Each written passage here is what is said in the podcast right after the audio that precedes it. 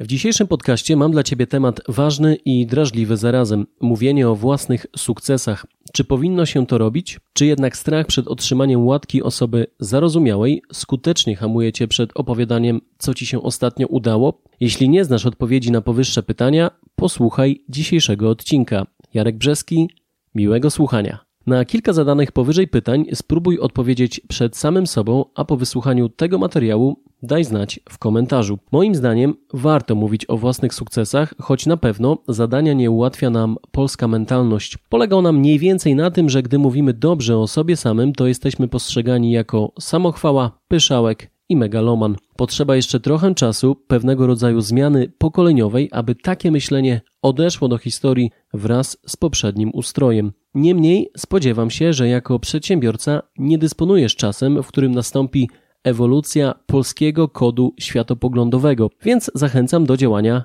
od dzisiaj. Dlatego mów o sobie pozytywnie i opowiadaj historie, które nawiązują do Twoich osiągnięć i sukcesów. Dlaczego warto to robić? Po pierwsze, dlatego, że w ten sposób budujesz zaufanie do siebie oraz wizerunek eksperta. Tym samym pokazujesz, jak pomagasz innym ludziom i dzięki temu przybliżasz się do otrzymania rekomendacji i znalezienia klienta. Dobre historie mają jeszcze jedną zaletę. Wywołują emocje i sprawiają, że zostajesz zapamiętany. Korzyści odnosi również otoczenie, gdyż Twoje doświadczenia mogą być dla niego inspirujące i pouczające. Wiesz już, że powinieneś mówić o swoich sukcesach. Czas na pytanie drugie to jest w jaki sposób o sobie mówić i jak budować zaufanie. Po pierwsze, przedstaw się. Możesz to zrobić według następującego schematu imię, nazwisko, nazwa firmy, branża i czym się zajmujesz. Kluczem do zbudowania zaufania jest wymienienie klientów, z którymi do tej pory pracowałeś, pracowałaś. Możesz też opowiedzieć,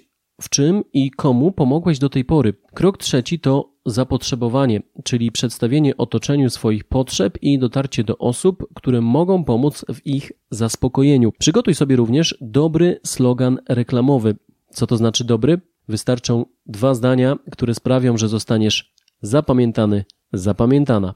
A jaka jest Twoja opinia na dzisiejszy temat? Powinniśmy opowiadać innym o naszych sukcesach? Jaki masz na to skuteczny sposób?